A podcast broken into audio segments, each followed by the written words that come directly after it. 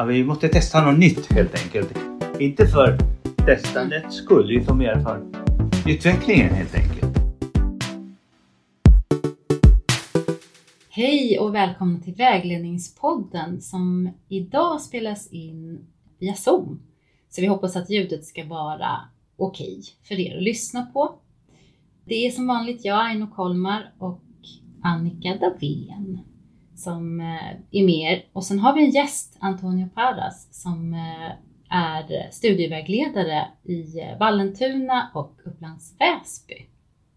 Ja, vill du presentera dig själv Antonio? Ja, absolut. Ja, Antonio Parras, som du sa, heter jag. Som du hör, jag bryter. Det är för att jag har spanska som modersmål. Jag är en man från Chile som kom till Sverige när jag var 35 eller 33 år. Sen via utbildningen eh, har jag hamnat i det här yrkesområdet. Och eh, sen eh, yrket har jag utövat i 20 år. Det är inte så lång tid skulle man kunna säga, men för mig har det varit en oerhört eh, fin tid. Eh, och är fortfarande.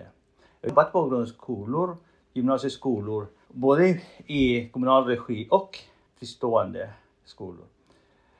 Jag har också varit eller jobbat som samtalsledare eh, i samtalsträning i, i SYR-programmet många gånger. Det har också varit ett tillfälle där jag har känt liksom att men det här finns ju något att ge. Och också ta med en, en, en tydlig identifikation som jag har med yrket, det är just möten och eh, det här framtidstänkandet. Eh, jag känner mig, alltså åldersmässigt känner jag mig klar, mm. men inte eh, yrkesmässigt. Mm. Det finns så mycket fortfarande som jag har lust att mm. bidra med och jobba med. Vi får se hur, hur de två sakerna går ihop. Mm. Just det. Åldern och orken. Liksom.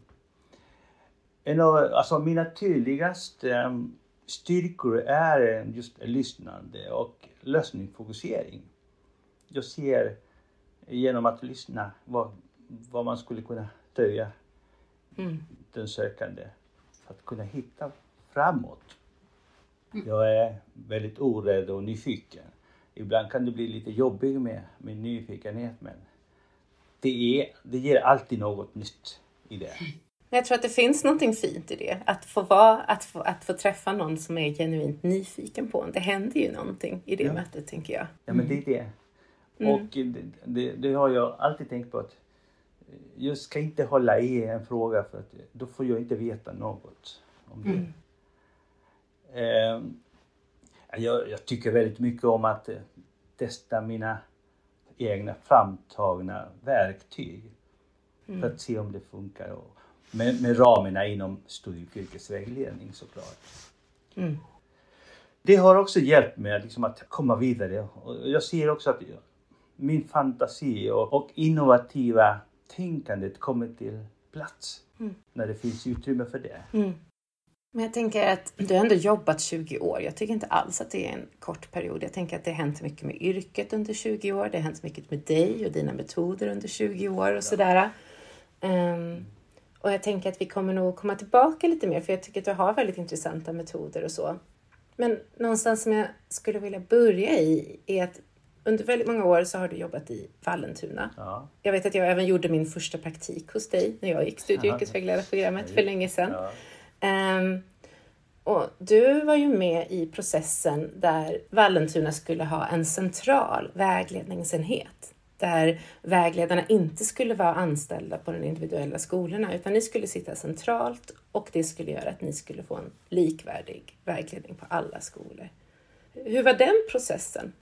Alltså, den processen var så oerhört spännande för att få en bild av eh, vilken bild av studie och yrkesvägledningen hade man utifrån varje enhet, alltså varje skola. För att det egentligen det här initiativet kom av eh, en utredare, skolutvecklare som fanns i Vallentuna. Som i botten var eh, studie och yrkesvägledare. Och hon såg eh, det här möjligheten och behovet att kunna dels använda resurserna på rätt sätt. Och så la hon fram det här förslaget och då var vi sex stycken vägledare som jobbade då. Och vi fick eh, möjlighet att vara med och utforma helt enkelt ett måldokument med vision, med arbetsplan och så vidare. Från det stora, hela, till det praktiska neråt. Och en koppling till eh, läroplan och så vidare. Och den processen varade ett år ungefär. Och där, vi hade regelbundna träffar för att kunna ja, bolla tankar och idéer och så vidare. Så att det mynnade så småningom att eh, det togs beslut helt enkelt för att bilda en SYV-organisation där eh, en av oss skulle vara eh, arbetslagsledare. Och eh, den frågan kom till mig då om jag kunde tänka mig att göra det. Då var jag helt okej. Okay. Och tyckte att det var spännande. Eh, just sjösätta något som man har varit med om liksom att arbeta fram. Mm. Och dessutom på den nivån på, utifrån eh, ledarperspektiv. Mm. Och eh, det gjorde jag under två år. Men sen tröttnade jag på det här med personalfrågor och så vidare, organisationsfrågor. Det, det var inte min sak, det var inte min grej, mm. så jag släppte det. Jag, jag går tillbaka helt och hållet till skolan. Mm. Men hur många var, var ni sex stycken ja. sammantaget? Och jobbar ni på olika ställen eller jobbar på ni på samma ställe? På olika ställen och ja. oftast var det på två skolor samtidigt liksom man jobbade. Mm. Mm. Och det som var bra är att rektorerna tyckte att det var ett bra, en bra lösning. För det underlättade för dem också det här med att ha eh, vikarie, liksom ersättare när det var inte deras ansvar att se till att de skulle anställa en vikarie ifall någon skulle behöva vara borta ett tag. Så det mm. var enheter som ansvarade för den biten. Det låter som att det var en samordning av studie och yrkesvägledande insatser som det jag kan tänka mig styrkan i det är ju att ni som grupp blev starkare och att det inte blev så splittrat och ensamt för var och en. Eh, ja, det gjorde det. Alltså nu ska vi säga, i och med att vi gjorde en, sån en, en arbetsplan. Vi hade väldigt tydliga moment i planen då som alla skolorna mm. skulle ha ta del av. För det, skulle, mm. det var likvärdigheten helt enkelt väldigt avgörande i det. Mm. Och dessutom var det från årskurs 1 till mm. 9 och sen till, eller 1 mm. till 3 på gymnasiet. Så det var hela vägen. Så att alla skolorna får mm. vägledning från årskurs 1 till, till eh, 9 om de har de här klasserna och sen gymnasiet 1 till 3. Mm. Men det låter ju som att styrkan ligger i att vägledningen finns i ett eget system som, som styrs centralt, där det finns en tydlig plan att oavsett vilken skola du går på, vilken vägledare du har, så ja. har du rätt till samma sak eh, på något sätt. Men då var ni anställda, då, in, då var inte rektorn på skolan din chef, utan då var det någon centralt som var din chef. Eller då var du chef för andra på något sätt. Ja, precis. Mm. Men jag hade en chef för mig såklart. Mm. Ja. Mm. Men även om rektorn inte var direkt chef så hade rektorn eh, stor eh, kan man säga, möjlighet att påverka. Eller, för att egentligen rektorn köpte tjänsterna så mm. var det väldigt tydligt mm. att rektorn kunde sätta krav på de här kvaliteten på tjänsten som rektorn köpte. Och mm. det, det tycker jag är en utveckling också. För att då mm. gällde det att eh, leverera det som, som vi presentera det helt enkelt. Mm. Mm. Och det, det blev för oss en utveckling. Mm. Ja, men det blir en annan relation tänker jag än bara vara anställd. Du är någonting, du är en tjänst som ändå ja. så här, ska verkställa någonting på den här skolan och det ja. uppar ju förväntningarna. Ja, precis. Mm. Och vad hände sen när du hoppade av tåget som, som eh, samordnare eller ledare för chef Ja, då, då kom en annan helt enkelt från gruppen som blev Mm. Ansvarig Mm. för gruppen då, för samordna det hela. Mm. Och det, det där med samarbete och så vidare, för mig det, har det aldrig varit något problem. Nej. Jag har, jag har en klar bild på vad, vad min, min roll, min, mitt yrke är.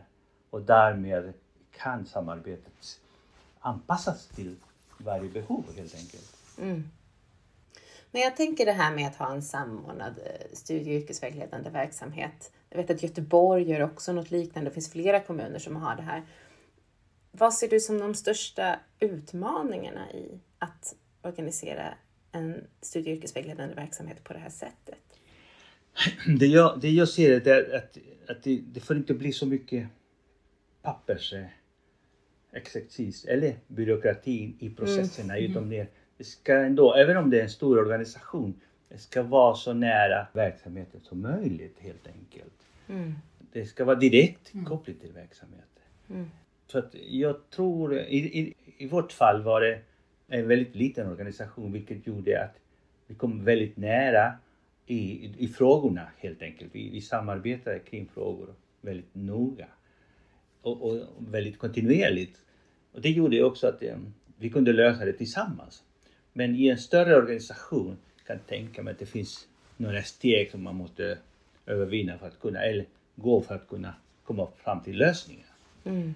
Vi hade möjlighet till snabbare till lösningen än, än kanske i en större organisation.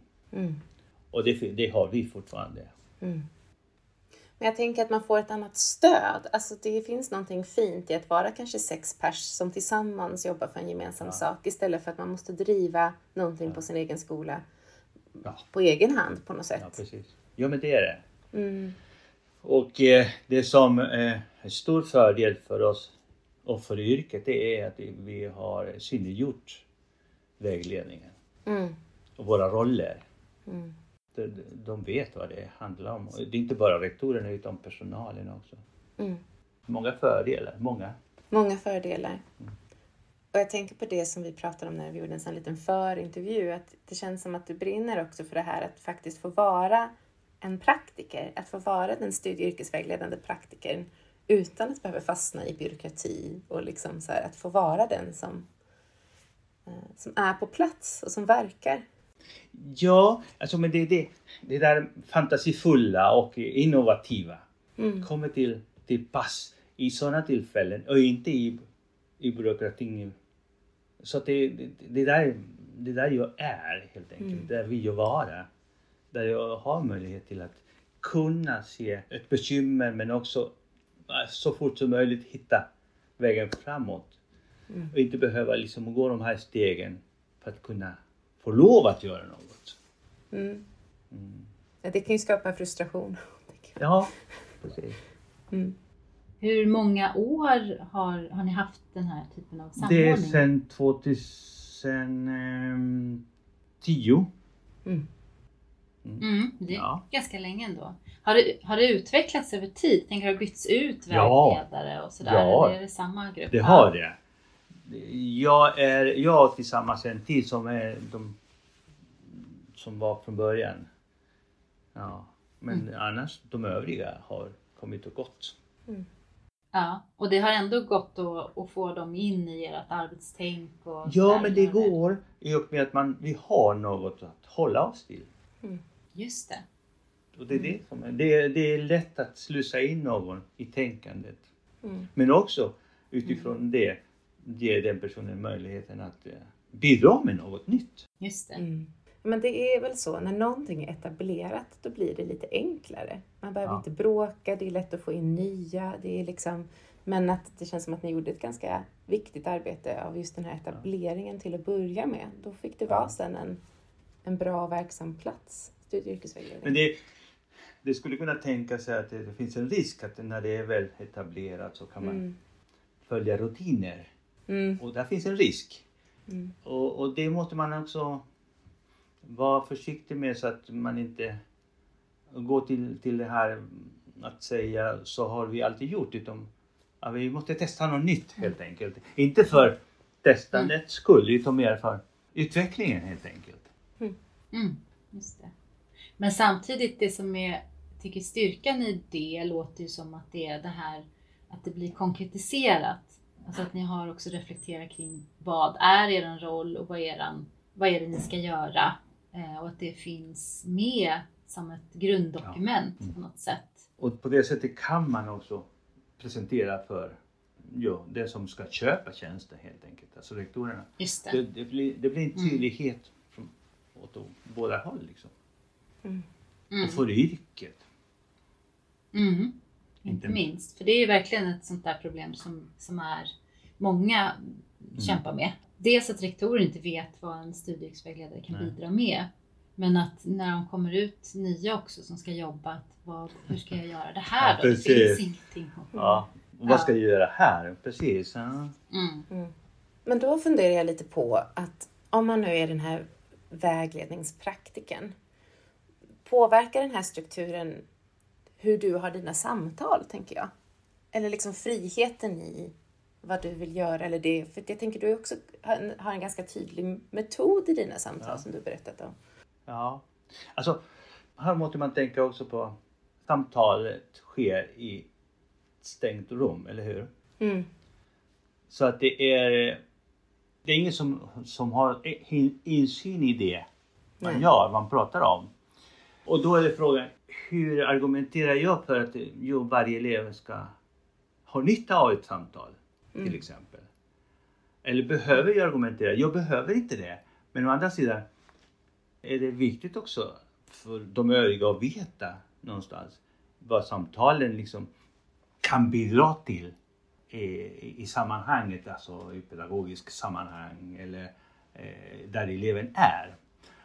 Mm. Och det gör också att ett sätt att kunna flytta ut den här produkten och samtalet ur rummet till andra pedagoger till andra av personalen så har jag skapat de här verktygen eller sättet att arbeta så att jag kan föra vidare, visa det här eleven tänker så här med hjälp av det här och eleven är på väg hit.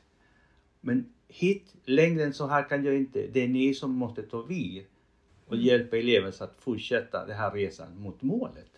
Just det. Mm. Och då blir det en koppling mellan det jag gör i rummet med eleven, samtalet och sen mm. vidare till antingen mentor eller, eller lärare eller speciallärare eller EHT. Mm. Och då blir ju det också en annan form av konkretisering. Ja. För, och nu ser ju inte ni det lyssnare, men Tony har gjort mallar för, för samtal där, där man lyfter olika aspekter och eh, har eh, betyg också med i den, vad man har för, vad man vill satsa på betyg och så. Mm. Så att det blir någonting som man också kan föra vidare till mentorer och till utvecklingssamtal, ja. om jag rätt. Mm. Men vill du berätta Antonio, hur brukar du lägga upp samtal? Så, vad händer när en elev får komma in i ett samtal med dig? Alltså egentligen, det, det hela började i klassrummen. Eh, jag möter eleverna, det beror på om jag har haft dem tidigare eller inte. Men om jag möter elever för första gången, där har jag den här mallen. Där rent konkret eller praktiskt eleven går in och fyller i. Det är digitalt antingen i klassrum eller, eller i, i något dokument på Office 365. Men de, går, de har eget dokument. Så att det finns eh, en struktur där de rangordnar helt enkelt eh, de här ämnena från de ämnen som de gillar och trivs bäst till de ämnen som de har lite kämpigare. I den ordningen. Och där ser jag att det pågår, det sätts igång ett, ett, ett ställningstagande. Vad tycker jag om det här? Varför ska jag rangordna? Ja, men det är ett sätt att ta ställning till. Och så rangordnar de. Det är 18 stycken om man har alla ämnena. Och så ber jag dem att se, finns det något mönster som du ser i sammanhanget här, i den här rangordningen? Och då kan de själva resonera kring det här med, ja men jag har NO-ämnena först. Eller jag har de praktiska ämnena först. Och jag har matematik där i slutet. Alltså, det ger en klar bild. Men det, I och med att du har NO-ämnena först, då finns det, det är en signal på dina intressen helt enkelt. Ja. Mm. Och om du har matte på slutet, men, men du har det kämpigt med det. Mm. Alltså, nästa steg är, ska man välja något som har mycket matte i. Sen, nästa steg för de här eleverna i klassrumssammanhang det är att ja, men plocka fram betygen från, om det är nior, plocka fram betygen i årskurs 8 då. Skriv dem under varje ämne. Under den här rangordningen helt enkelt. När de har gjort det så ber jag om att titta. Vad har ni de bästa betygen? Ja, bland de ämnen som jag har som favoriter helt enkelt. Då betyder det att gör man något som man tycker om att göra så har man stora chanser att ha fina resultat. Mm. Alltså betyg. Mm. Men de andra ämnena får inte glömmas. För de är lika viktiga i slutändan när det gäller meritpoäng. De Mm. räknar ut meritpoängen och så skriver de det. Mm. Sen kommer nästa steg då, inför nian då, att de måste sätta upp ett betygsmål i början av nian helt enkelt. Okej, det här året tänker jag satsa på det här ämnet. Det här kommer inte bli så mycket och så vidare. De resonerar kring det och så sätter de upp ett betyg och räknar ut meritpoängen. Och så har du någon, något att jämföra med. Mm. Så det blir som en slags strategiarbete med, med en form av delmål som blir konkret då. Ja, precis. dokumentet. Och Mm. där menar jag, det här dokumentet går vidare till klasslärare eller mentorerna. Och så kan de diskutera vidare. Men hur tänker du nå eh, från E till D i matte? Vad tänk, hur tänker du här? Hur kan vi hjälpa dig med det? Mm. Och det Mm. gör de. Mm. Eller när de har utvecklingssamtal, då tar de fram den här mallen. Och så, men ditt barn har tänkt så här. Så Mm. ser de en helhet. Men i den här mallen finns också en del där eleverna, jag går igenom alla eh, yrkesprogram för årskurs 9 och sätter upp de här lapparna på, på väggen då. Medan jag gör det så ska de fundera på, ja men det här passar, det här passar inte. Och fånga den här känslan, men det här låter spännande för mig. Och så skriver de ner de här programmen i en lista på samma mall. Och då tittar man sen då, om det finns en koppling mellan de här favoritämnena om man säger så, och val av tänkbara program. Mm. Och det är alltid en, en träff emellan där. Mm. SO-ämnena först, Mm. ja men SAM, ekonomi och humanistiska eller något sådär. Mm. Praktiska ämnena först, yrkesprogram. Det finns Mm. alltid någon koppling utan att säga till dem. Mm. Men då måste man hjälpa dem att se den här kopplingen. Mm. Just det, och göra någon sorts, eh, ja, pussla ihop de här olika pusselbitarna. Vad, just, jag kan tänka mig att det kan också skapa någon form av motivation hos dem också att liksom se att det finns en väg Ja. framåt. På något Vart det leder. Mm. Mm. Mm, vart det leder. Ja, och också på något sätt introducera någon form av karriärtänk utan att ens berätta ett karriärtänk. Alltså verkligen förankra det här. Vad är mina intressen? Vad är jag bra på? Vad skapar det för konsekvenser för mina betyg? Och ja, men, ver- verkligen det där att de får dra kopplingarna själva. Det tycker jag känns ändå jätteintressant. Mm. Och eh, det som uppskattas både av föräldrar, pedagoger och elever det är att det finns något eh, konkret att peka på. Mm. Ja. Mm. Det här, det här som titta på konkret. Liksom. Mm. Och ändra, för det här är levande dokument. Man ändrar på det. Mm. Jag bara tänker, finns det några farhågor med att ta in liksom betygen i vägledningssamtalet? Jag tänker på de som kanske inte har så bra prestationer just betygsmässigt, men på andra områden kanske. Men där, där är vår yrke, där spelar vår yrke stor roll. Hur vi, att det, ska, det, det här samtalet ska inte bli mekaniskt. Nej. Utan Det är det är viktigt att lyfta fram möjligheterna ändå, trots att man saknar betyg. Det finns ändå möjligheterna för alla ungdomarna på gymnasienivå. Mm. Och de möjligheterna, de alternativen måste belysas. Mm.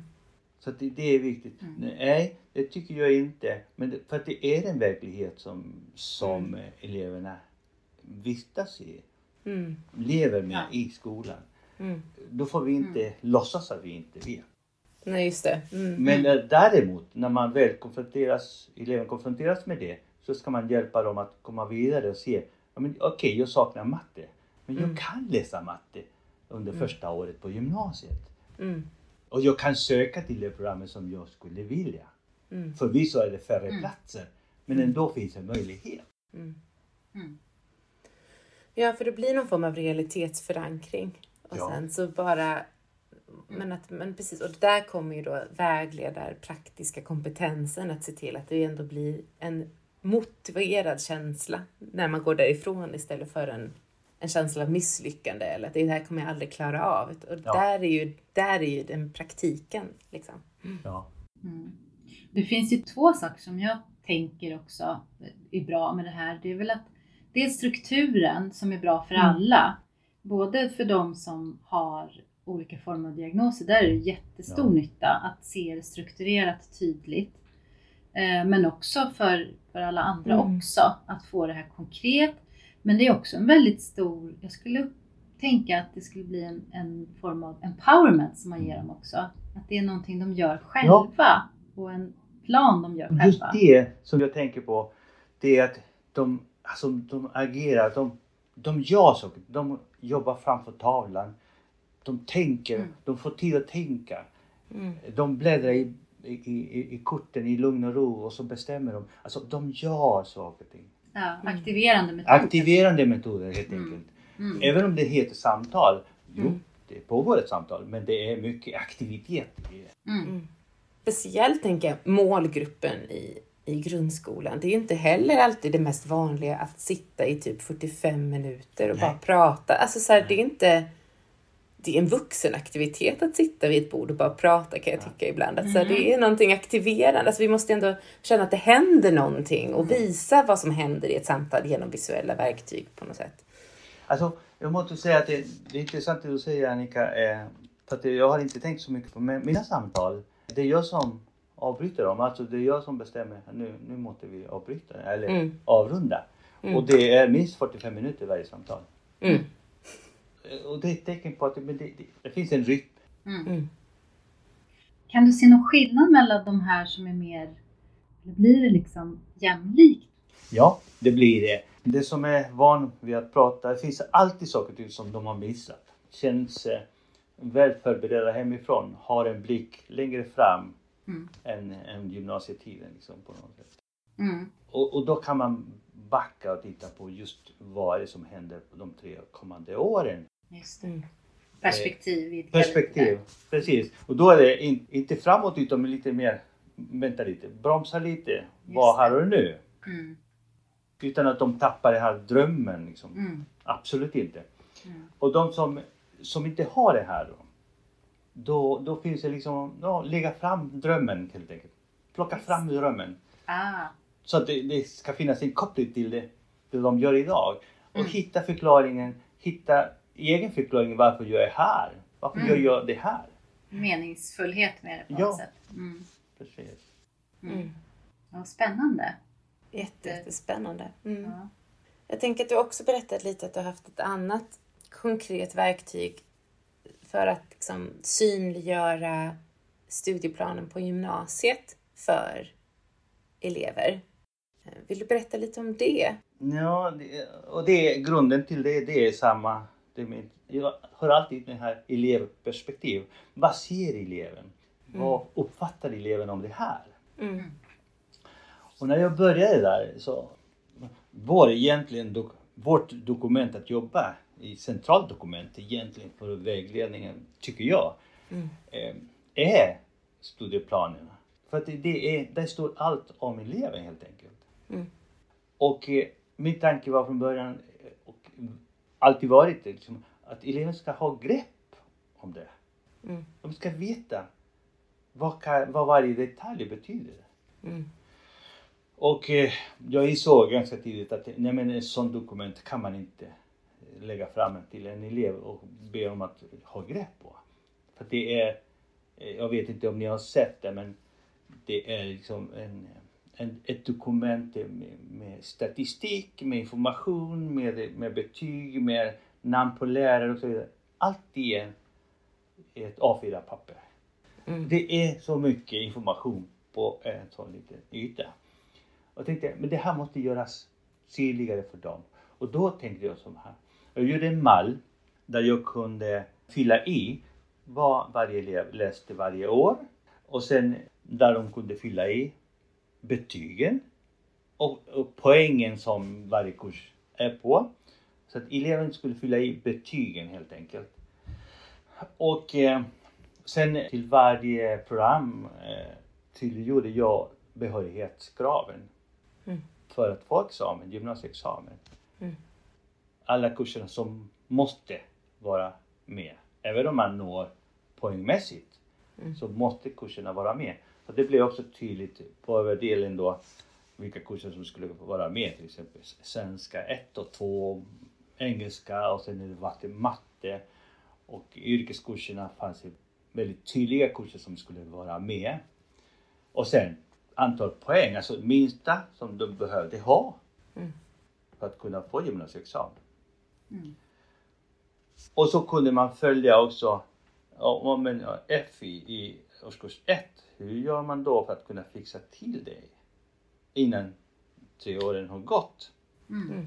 Och då fanns det en en del för att kunna planera hur man Mm. kunde se till antingen prövning eller, eller helt enkelt eh, kanske skippa det och satsa på de kurserna som pågår istället för att ha massa med rester helt enkelt Mm. inarbetade. Så det visualiserade för eleven men också pedagogerna. Mm. Det låter som ett bra planeringsverktyg om det är någon som kraschar också under Ja. utbildningen. Ja. Mm. Ja men det, det är det. Och den där tydligheten att vad behöver jag för att få gymnasieexamen? Vad har jag? Mm. Mm. Vad kommer jag att behöva läsa? Mm. Men jag tänker att, mm, för ibland så tänker jag också när vi pratar med studenterna att, att man tänker att det är så stora, gigantiska prestationer som studie och yrkesvägledaren ska gå in med, liksom det tunga artilleriet på skolan. Mm. Och så tänker jag att det finns också de här små kugghjulen som gör en ganska stor skillnad. Ja. Och bara då alltså formgivningen på en studieplan som är ett administrativt dokument som alla gymnasieskolor ska ha på varje elev. Att bara ändra utformningen på den och skapa en inbjudan till studenten att få vara med, eller eleven då, att vara med i den och förstå den och förstå dess syfte.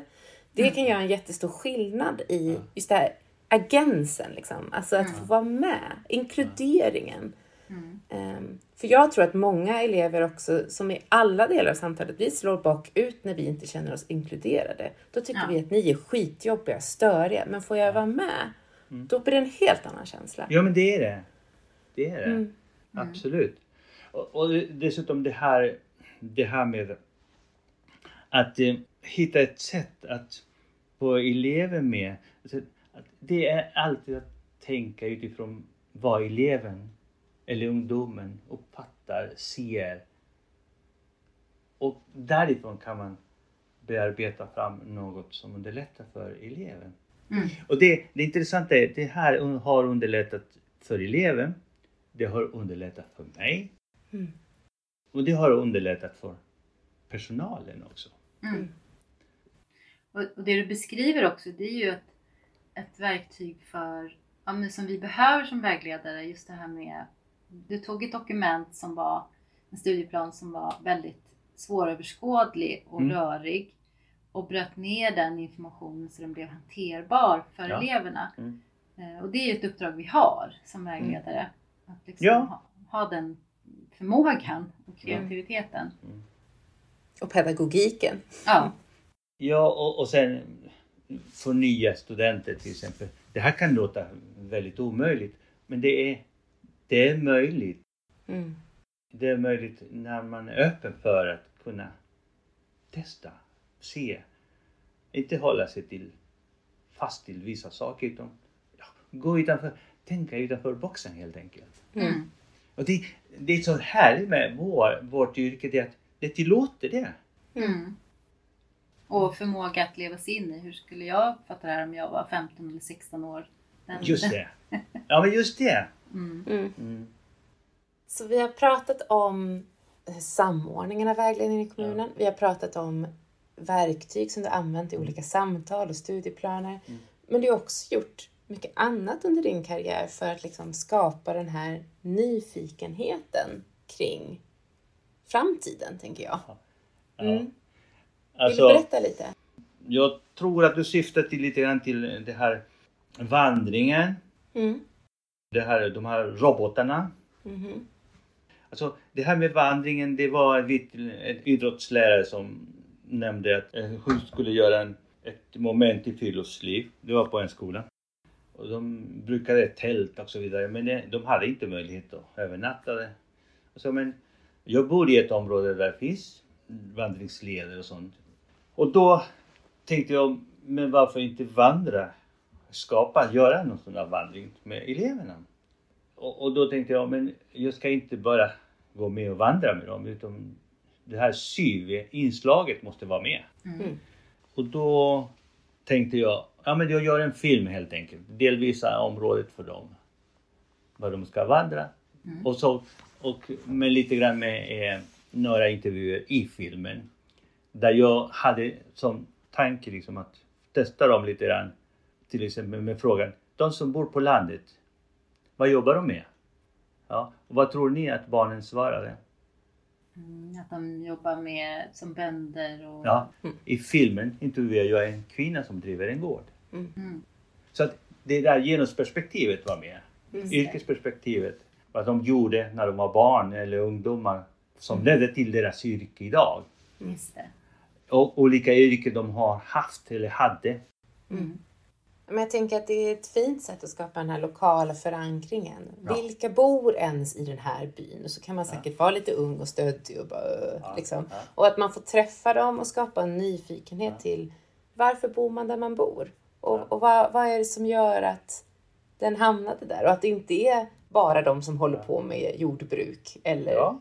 Utan det kan vara en professor, det kan vara en ekonom, det kan vara en lärare, det kan vara vem som helst. Ja. Mm. Konkreta saker liksom. Mm. Då hade lärarna möjlighet att koppla det här till NO-ämnena. Historia, Mm. Mm, runstenar och så vidare. Mm. Så att det, det bidrar till många saker. Och de här robotarna också. Ja, men det är också en sån där...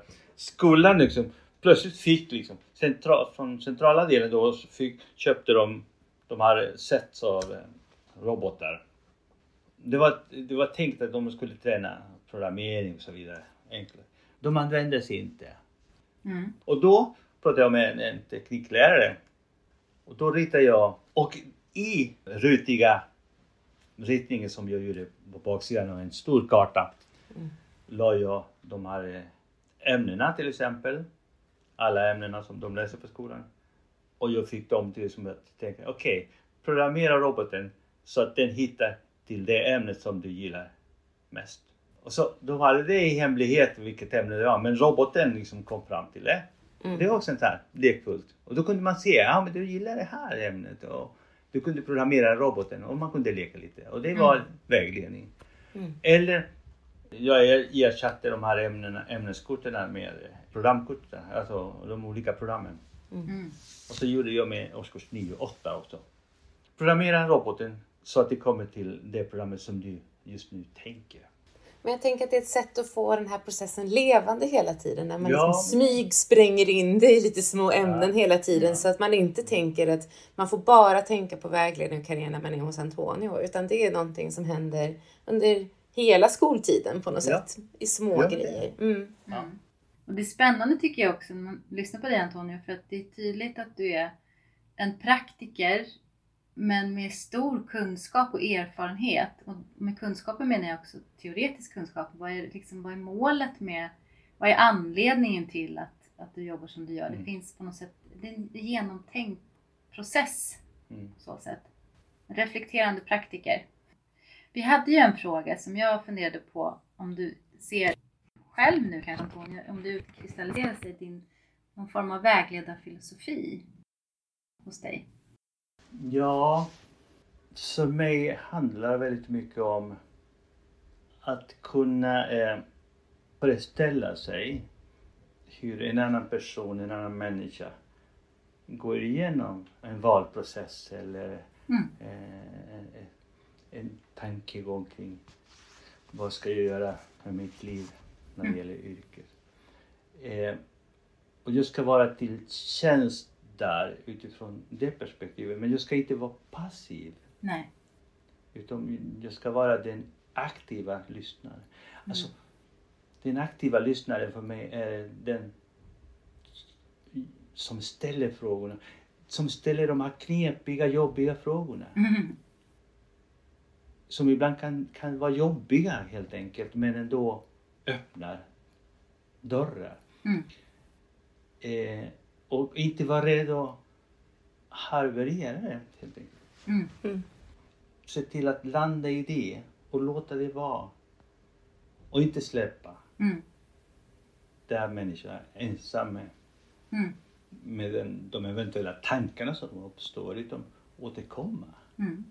Fånga detaljer i processerna så att du kan gå tillbaka och lyfta den där detaljen så att människorna kan, se, kan känna sig sedd. Just det.